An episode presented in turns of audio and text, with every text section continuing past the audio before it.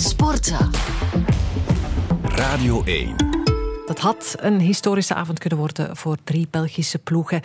Drie ploegen die nog een goede kans hadden op een eh, Europese halve finale. Union die van de Europa League en Anderlecht een agent in de Conference League. Maar Peter van den Bemt, goedemorgen. Goedemorgen. Dat is het dus niet geworden, die historische avond. Hè. Eerder wat uh, pijnlijk ontwaken, denk ik toch, voor supporters van die drie clubs. Stuk voor stuk uitgeschakeld. Um, even slikken toch, denk ik. Ja, en, en voor de loting uh, kan je daar rekening mee houden natuurlijk als je in deze fase van de competitie terechtkomt. Maar vooral na de hoopvolle prestaties en de best wel uh, ja, kansrijke uitgangsposities uh, van de drie clubs zou je kunnen zeggen. Zeker van Anderlecht dachten we toch, ja één gaat er toch altijd mm -hmm. overblijven. Maar van drie naar nul, dat is inderdaad heel erg pijnlijk.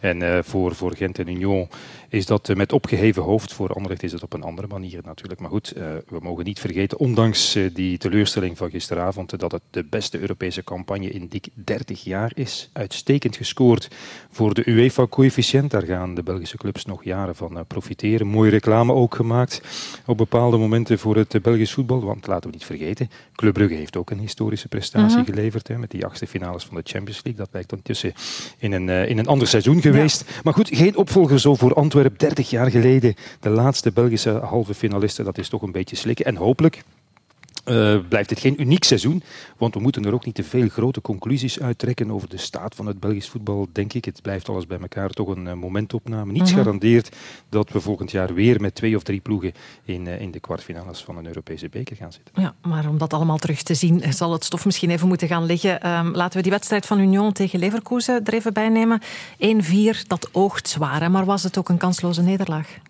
Maar kansloos is misschien te streng uitgedrukt, maar ik vind dat Union wel logisch heeft verloren van een ploeg die gewoon te sterk is. En in de sport moet je je daarbij neerleggen. Vooral ook omdat Union in de eerste helft zichzelf niet was. Zoals we Union hebben leren kennen uh, op de Europese scène met veel balverlies, nervositeit. Uh, ze kregen geen controle over Leverkusen, dat ja, gewoon echt een goede ploeg is. In een goede vorm, een goede flow. Veel beter dan toen ze tegen Club Brugge speelden in de poelenfase van, van de Champions League. Met een paar uitstekende spelers. Die Florian Wirtz, ja, daar heb ik toch van genoten. 19, daar gaan we nog van horen op, op de Europese scène. En, en Union is op zijn limieten gebotst. Dat is geen schande. En als je dan ook nog eens fouten maakt, doelpunten weggeeft, zoals de eerste na een minuut, ja, dan zo begin je dan met een achterstand aan de wedstrijd. De derde goal, ja, dan kan je niet winnen van een tegenstander die sowieso al meer uh, klasse en, en kwaliteit heeft. Dus dat is bijzonder jammer. En in de tweede helft heeft Union uh, dan toch nog uh, strijd geleverd. En bij 1-3 had je de indruk, ah, dat kan hier toch nog gebeuren voor Union. Maar oké, okay, nog een keer, Leverkusen was de betere ploeg. En het publiek is dankbaar geweest voor wat Union heeft laten zien op de Europese scène. Want als je nu toevallig het stadion binnenwandelde na de wedstrijd, dan had je net zo goed kunnen denken dat Union zich geplaatst had. Het zat nog helemaal vol.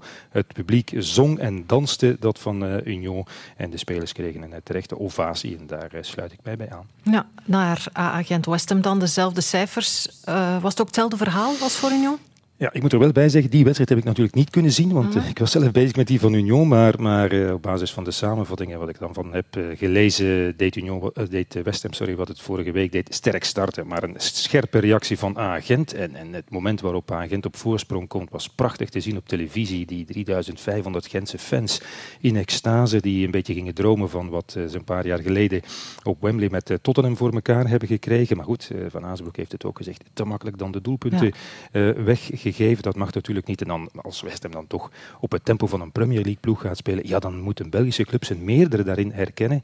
Ook al is het dan op dit moment een starploeg uit de Premier League, maar zoveel kwaliteit erin natuurlijk. En het enige wat ik dan jammer vind, is dat het verschil dan toch gemaakt wordt met weer zo'n idiote handsball penalty, waar we toch niet aan uit kunnen, weer een keer, ja. uh, moet ik zeggen. Dus dat is dan zonde, maar alles bij elkaar. Ook hier geldt verloren van een betere en, en uh, sterkere ploeg. En Gent mag ook terecht trots zijn op zijn Europese parcours. Dat was er wel een met ups en downs, want laten we niet vergeten, in het najaar stond de club nog in brand na die pandoering in, in Zweden tegen ja. Djurgardens. Maar goed, kwartfinale is uitstekend. En wat voor Union geldt, uh, dat het straks in play-off 1 echt voor de titel kan spelen. Dat geldt natuurlijk ook voor Agent. Ik neem aan dat ze tegen Oostende niet gaan weggeven. Dat is dat ze nog scherprechter kunnen zijn in play-off 1. Ja, voor Anderlecht is dat allemaal niet aan de orde. Had nee. nogthans uh, de beste papieren, 2-0 vorige week. Gisteren kwam het tot stafschoppen, maar dat is eigenlijk ook al bijna een wonder te noemen. Wat is daar gebeurd in Alkmaar?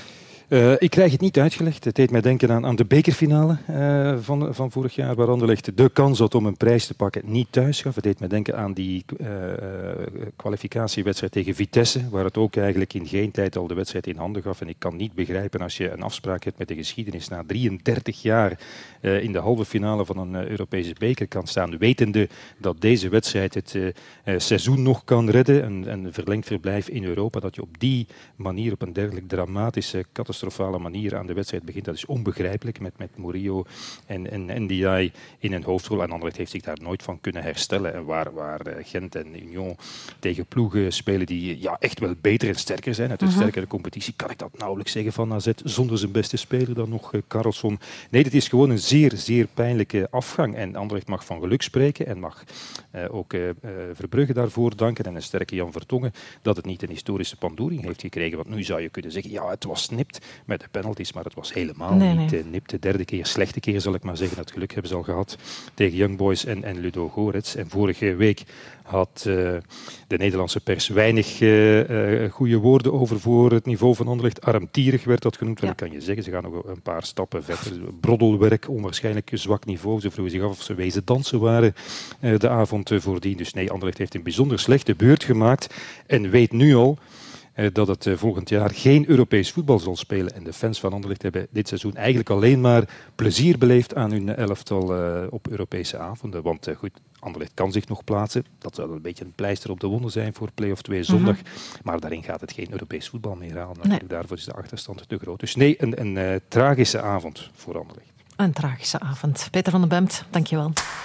Sportza. Sportza.